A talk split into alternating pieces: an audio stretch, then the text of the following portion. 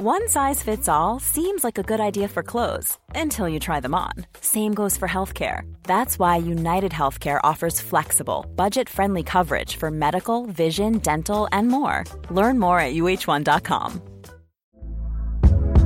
Hey there, it's Michelle Norris. I'm host of a podcast called Your Mama's Kitchen. When I travel, I'm usually looking for a way to find a taste of home when I'm not at home. And one of the things I love to do when I am at home is entertain. And Airbnb allows me to do that. When I was in California recently, I rented a house that had a great kitchen. And when we were sitting around the table, we're all thinking, we're in someone else's house. Someone could be in all of our homes as well. If you have a home, but you're not always at home, you have an Airbnb. Your home might be worth more than you think. Find out how much at airbnb.com/slash host. Hey, Dave. Yeah, Randy. Since we founded Bombus, we've always said our socks, underwear, and t shirts are super soft. Any new ideas? Maybe sublimely soft. Or disgustingly cozy? Wait, what? I got it. Bombus. Absurdly comfortable essentials for yourself And for those facing homelessness. because one purchased equals one donated. Wow, did we just write an ad? Yes. Bombas. Big comfort for everyone. Go to bombas.com slash ACAST and use code ACAST for 20% off your first purchase. Helt siden de første menneskene slo seg ned i Trøndelag, har det blitt observert underlige lys over Hessdalen. Fenomenet har blitt forsøkt bortforklart som syner sett av bygdetullinger og deliriske hallusinasjoner forårsaket av den lokale drikkekulturen. Men det skulle vise seg at fenomenet stakk langt dypere, når Hessdalen-fenomenet fikk verdensomspennende oppmerksomhet i ufo-miljøet på 1980-tallet. Fenomenet er fremdeles der, og det er fremdeles like uforklarlig som den gang. I 2024 kommer en podkastserie i seks deler, produsert av Project Hessdalen, som kanskje en gang for alle skal finne svar på hva som rører seg på himmelen i denne bortgjemte dalen i Trøndelag. Serien har som seg hør og bør fått tittelen A Blaze in the Northern Sky, og den kommer til din favorittpodkastavspiller i 2024.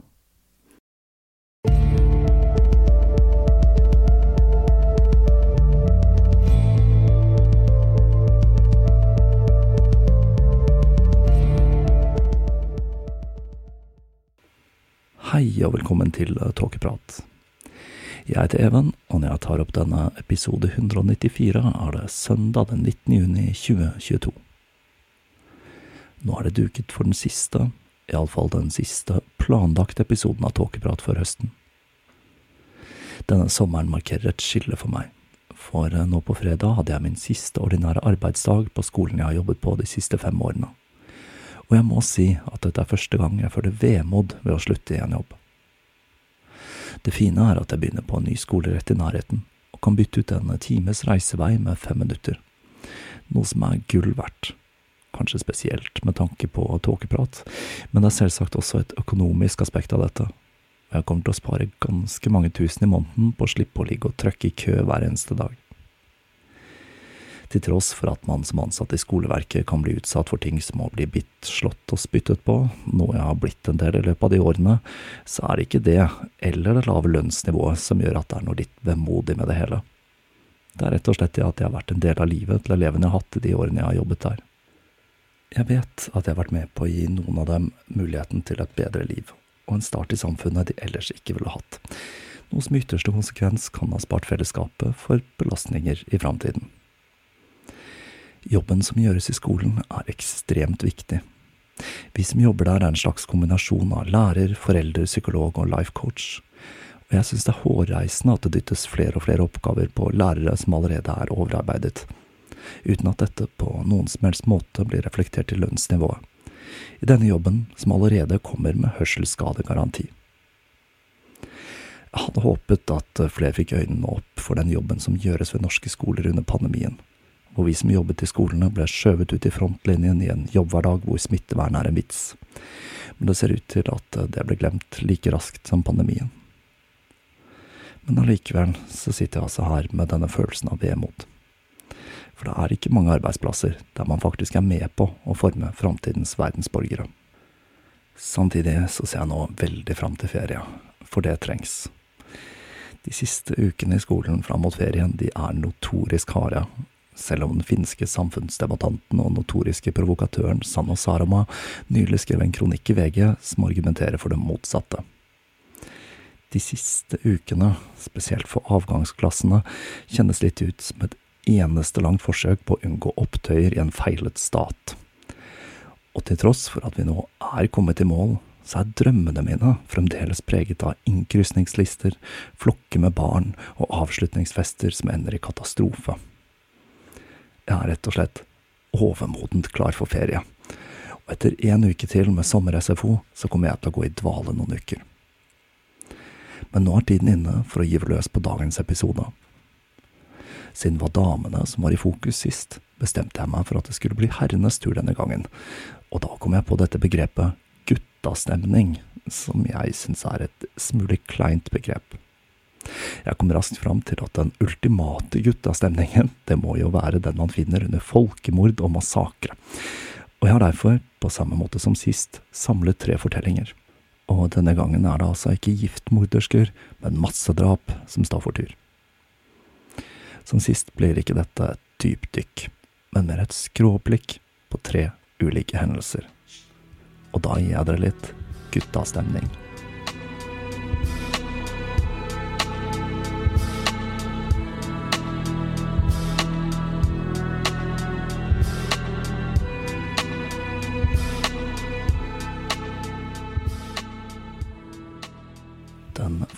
Massakren vi skal se litt nærmere på, er den såkalte Rhinland-massakren, også kjent som det tyske korstoget av 1096.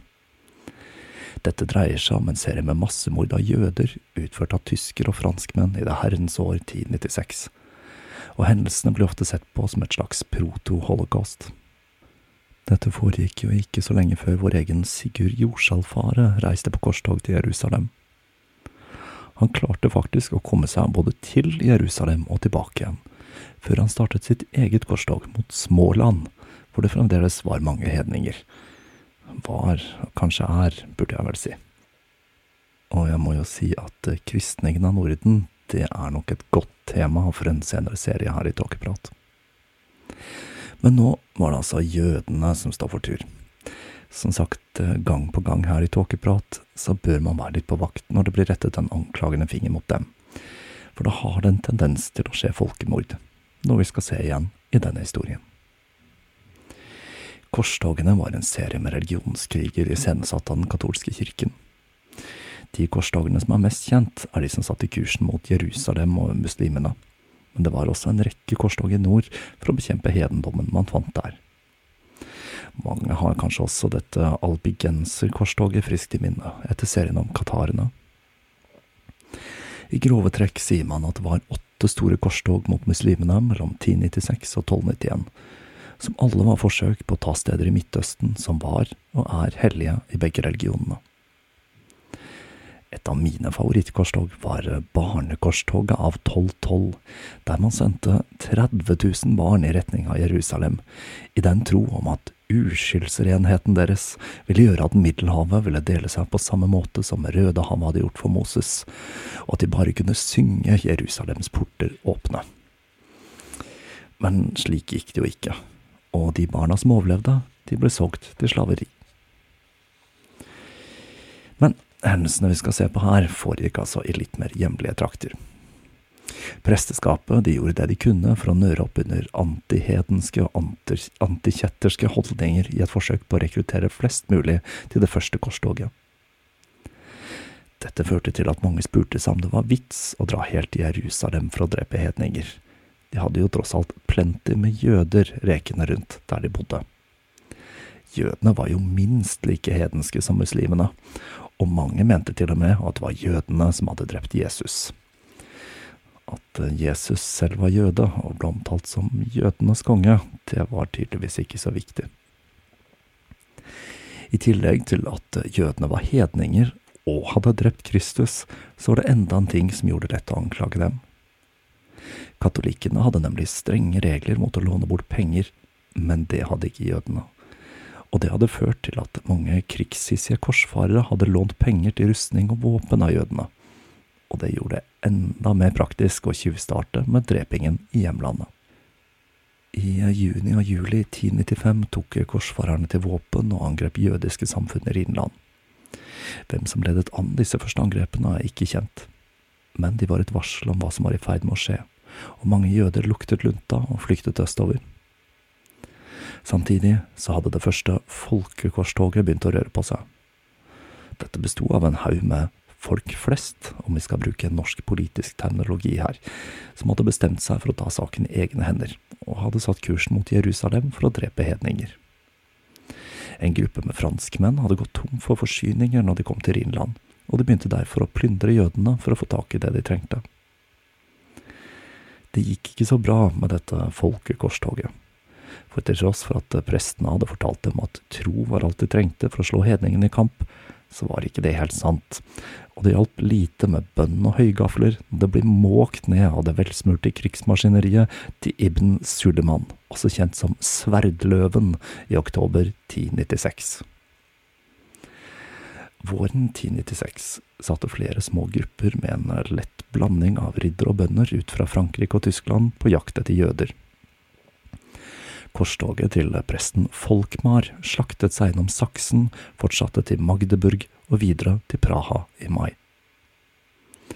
Deler av den katolske kirken, og kirken som helhet, fordømte nedslaktingen, men det hjalp lite på den blodtørstige mobben. Det er vanskelig å stoppe med denne drepingen når man først er godt i gang og stemningen er god.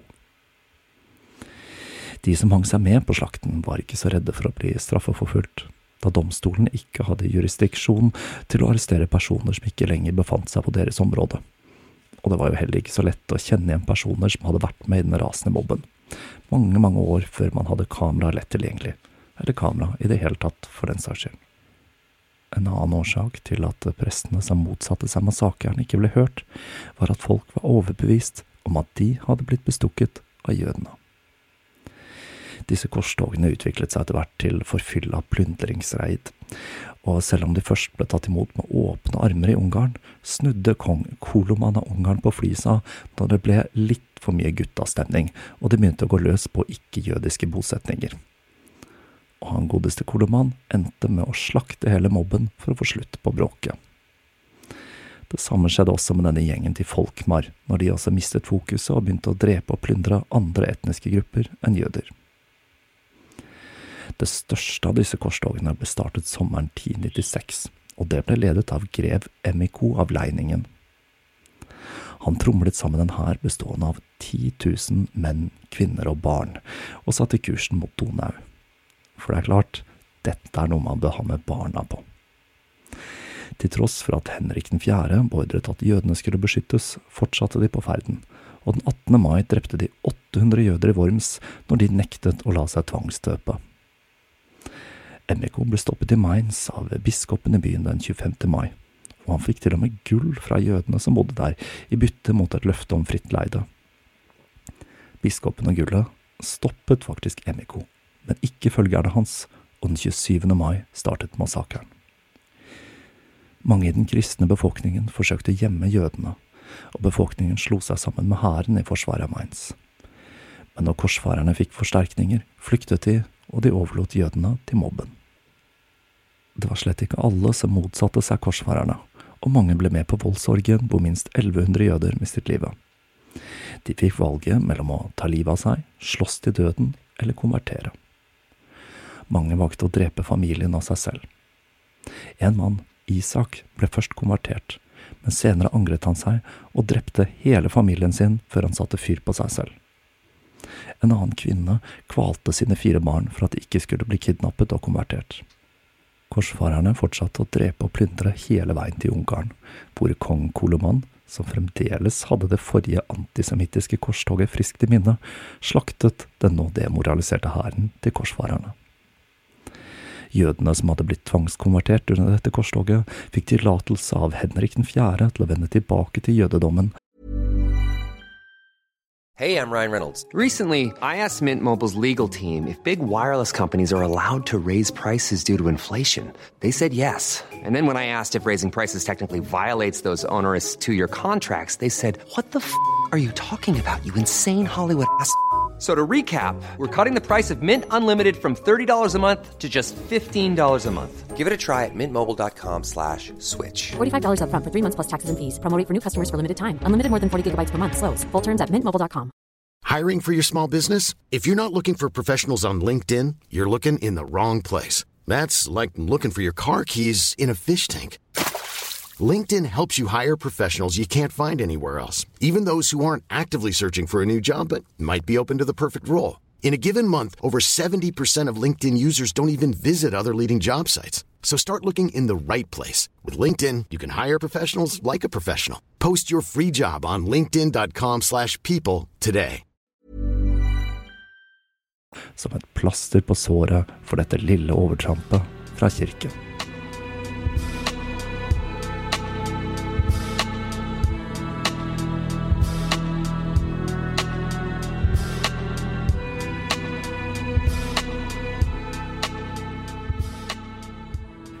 Vi slipper ikke unna mongolene om vi skal snakke om massakre.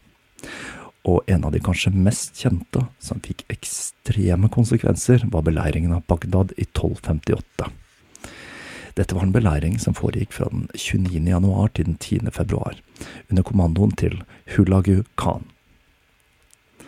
Det hele startet når Munke Khan bestemte seg for å ta kontrollen over Mesopotamia, Syria og Persia.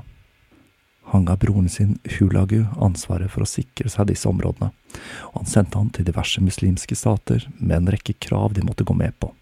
Dersom de ikke gikk med på disse kravene, om blant annet å betale skatt og underkaste seg mongolsk styre, skulle de utslettes. Hulagu knastet sammen en hær bestående av 150 000 mann, som i all hovedsak besto av mongolske soldater, men også noen kristne samt 1000 kinesiske buespesialister. Ettersom mongolene er kjent som noen av de dyktigste bueskytterne som har eksistert, går jeg ut ifra at disse ekspertene var i en klasse for seg selv. Hulagu satte kurs mot Persia, som han tok lett, og etter å ha kvittet seg med noen ledere for en gruppe snikmordere som hadde forsøkt å ta knekken på både ham og broren, uten å lyktes selvsagt, sendte han en budbringer til kalifen i Bagdad, al-Mustasim, med kravet om total underkastelse. Al-Mustasim nektet, visstnok fordi rådgiveren hans sa at han ikke hadde noe å bekymre seg for, da hele den muslimske verden ville komme ham til unnsetning dersom mongolene våget å angripe. Kalifen tok det så rolig at han ikke engang gadd å tilkalle forsterkninger til hæren, eller tok seg bryet med å forsterke bymurene.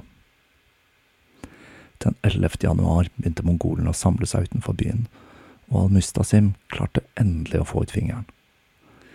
Han sendte ut en gruppe med 20 000 kavalerister, som alle ble måkt ned etter å ha blitt fanget da mongolene stoppet alle muligheter for retrett ved å oversvømme veien tilbake til byen med vann fra Tigris.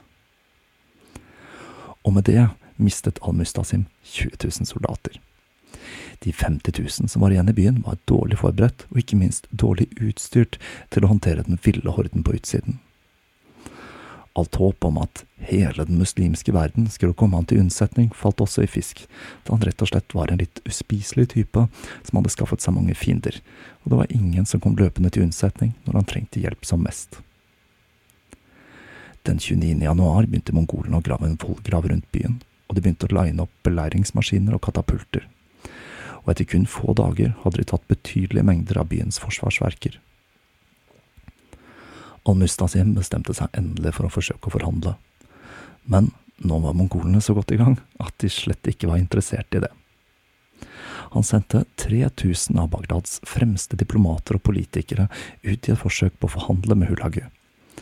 Men han var altså ikke interessert, og alle de 3000 ble drept. Den 10. februar heiste Bagdad det hvite flagget, men det kom ingen respons fra mongolene. Før den 13. februar, for da gikk de inn i byen og begynte en massakre den arabiske verden enda ikke har kommet seg helt fra. Nå var det guttastemning på steroider.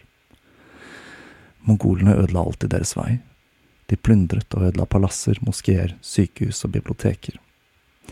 Bagdad var verdens vitenskapssenter på denne tiden, og byen hadde hele 36 biblioteker, inkludert Visdomshuset, det største biblioteket i Bagdad, som hadde flere uerstattelige verk om astronomi, matematikk og medisin.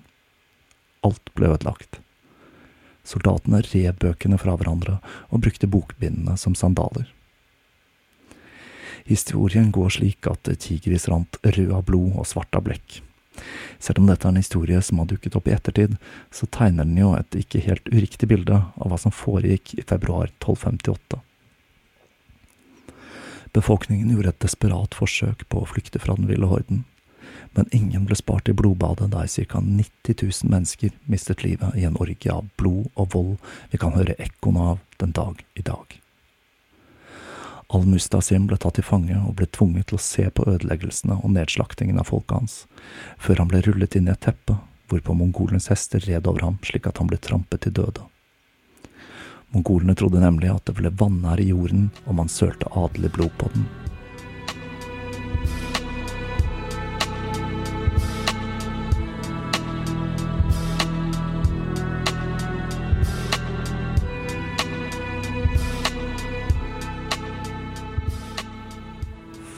Det eksotiske Bagdad skal vi sette kursen til litt mer hjemlige trakter, og se nærmere på det såkalte Stockholms blodbad, en massakre som var resultatet av uenighet om Kalmarunionen.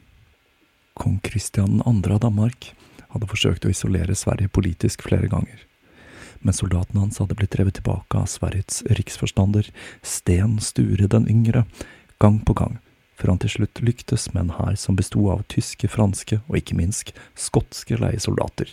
Og under slaget om Bogesund den 19. januar 1520 pådro Sture seg en skade han senere skulle dø av. Den danske hæren nærmet seg Uppsala, hvor den svenske riksdagen var samlet, og stemningen den ble mer og mer nervøs. Representantene stemte for å gå med på kravene til kong Kristian dersom han ga alle som hadde kriget mot Danmark, amnesti, og dersom han lovte at Sverige fremdeles skulle styres av svenske lover. I mai ankom den danske flåten Stockholm, og et storstilt land- og sjøslag begynte. Men danskene møtte sterk motstand der, ledet av Stures enke, Kristina, som på samme måte som sin mann absolutt ikke ville se Sverige i union med Danmark. Kristian innså at byen hadde nok forsyninger til å kunne holde ut en belæring til langt utpå vinteren. Han kom derfor med et tilbud om retrett som virket svært så gunstig for svenskene. Han sa at alle som hadde utført krigshandling mot ham, ville bli benådet, inkludert Gustav Vasa, som nettopp hadde rømt fra Danmark, hvor han hadde blitt holdt fanget. Han erklærte også at Kristina skulle få sitt eget fyrstedømme, som skulle bestå av Horningsholm og Mørkøen, i tillegg til Tavastehus i Finland. Ordføreren i Stockholm godtok betingelsene, og ikke lenge etter satte Kristian kursen hjem for å forberede seg på kroningen i oktober. Den 4. oktober ble Kristian kronet som konge over et samlet Danmark og Sverige, og han sverget det ned på at Sverige kun skulle styres med svensker i sentrale maktposisjoner. De tre neste dagene ble det holdt en storstilt fest. Den 7. november tilkalte Kristian til en privat samling for flere høyerestående svenske politiske og militære figurer. Når mørket senket seg, kom en gruppe danske soldater med fakler og arresterte hele gjengen. Den 9. november ble det opprettet en domstol ledet av erkebiskop Trolle, som dømte dem alle til døden som kjettere. Alle som ble dømt, hadde nemlig konspirert noen år tidligere for å få avsatt biskopen, og det gjaldt neppe at alle var antiunionister. Den samme ettermiddagen ble 82 mennesker ført ut i borggården slik at dommen kunne fullbyrdes, enten med hengning eller halshugging. Det blir sagt at Kristian senere hevnet seg på Sten Sture ved å grave opp liket hans og det til sønnen hans, for så å brenne dem. Og slik forseglet Kristian 2. unionen mellom Sverige og Danmark med blod.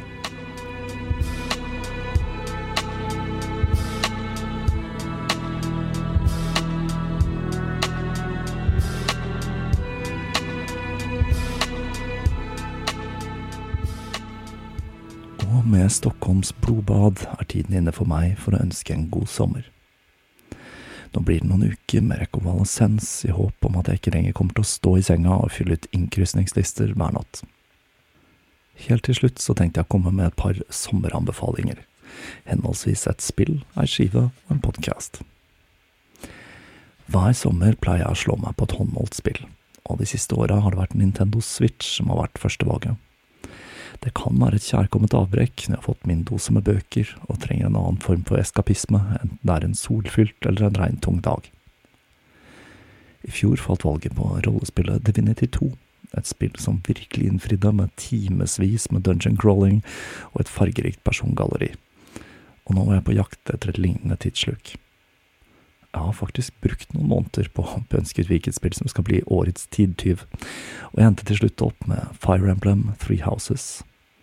Et spill fra 2019 som er det siste tilskuddet i en klassisk RTS-serie som har hatt sin seiersgang på Nintendos håndholdte systemer. Denne gangen har de viklet det klassiske strategiske spillsystemet sammen med rollespillelementer, og jeg var dum nok til å teste dette litt før ferien begynte, og ble umiddelbart hekta. Jeg kan ikke si annet enn at dersom du har en hundre timer eller så å bruke på spill i sommer, er glad i RTS og RPG, så er nok ikke dette det dårligste valget av spill. Så var det podkast. Det blir ikke så mange nye podcaster på meg, da jeg har mer enn nok med de faste postene og arbeidet med tåkeprat. Men det er én podkast som har skilt seg ut fra den gevende hop i år, og det er The Tim Dylan Show. Tim Dylan er en amerikansk standup-komiker som har figurert på en rekke prominente podcaster, blant annet på The Joe Rogan Experience, hvor jeg kom over ham. Tim er, hva skal vi si, en røslig, høylytt homofil mann, og der en del andre komikere forsøker å være vågale ved å utfordre amerikansk woke-kultur, strekker Tim den satiriske strikken ekstremt langt. Dette er nok ikke podkasten for alle, men om du som meg setter pris på politisk ukorrekt humor og satire, så vil jeg oppfordre til å gi den en sjanse. Jeg har i hvert fall hatt mange øyeblikk hvor jeg har mistet pusten og ledd så tårene triller med det Tim Dylan Show. Selv om det må sies at det er litt varierende kvalitet på episodene, så er det virkelig noen gullkorn å hente i de mer enn 300 episodene som er tilgjengelige. Så helt til slutt skal jeg komme med en sommerlig musikkanbefaling og det er skiva Desires Magic Theater av det britiske bandet Person, med U der altså, fra 2019. Dette er skiva jeg kom over ved en tilfeldighet i våres, og musikken som er en blanding av psykedelia og stoner, som gir assosiasjoner til band som The Doors, og tydeligvis også Beatles i den psykedeliske perioden, er perfekt til late sommerdager. Og med strategispill, drøy humor og lystige toner er tiden inne for meg å takke av for i sommer. Jeg har et par store serier å forberede til i høst, og har på følelsen av at dette vil bli noen av de bedre jeg har knastet sammen fram til nå. Men det gjenstår å se. Kanskje jeg går lei av sol og sommer og presser ut en liten sommerspesial også. Vi får se hva tiden bringer. Fram til da så vil jeg som vanlig takke alle patrions, de som har donert via hjemmesiden eller VIPS, og de som har handlet i nettbutikken. Linker til anbefalingene finner dere i episodebeskrivelsen, og nettbutikk, VIPS og donasjonsknapp på tåkeprat.com. Og med det vil jeg ønske dere alle en riktig god sommer.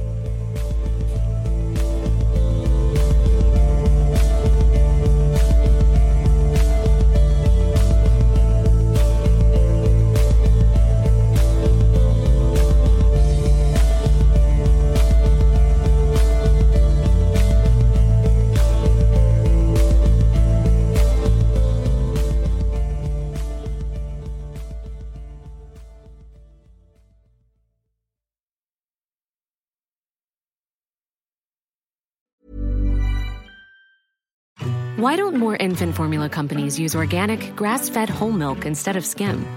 Why don't more infant formula companies use the latest breast milk science? Why don't more infant formula companies run their own clinical trials? Why don't more infant formula companies use more of the proteins found in breast milk? Why don't more infant formula companies have their own factories instead of outsourcing their manufacturing? We wondered the same thing. So we made ByHeart, a better formula for formula. Learn more at byheart.com. Even when we're on a budget, we still deserve nice things. Quince is a place to scoop up stunning high end goods for 50 to 80% less than similar brands. They have buttery soft cashmere sweaters starting at $50, luxurious Italian leather bags, and so much more. Plus, Quince only works with factories that use safe, ethical, and responsible manufacturing. Get the high-end goods you'll love without the high price tag with Quince. Go to quince.com/style for free shipping and 365-day returns.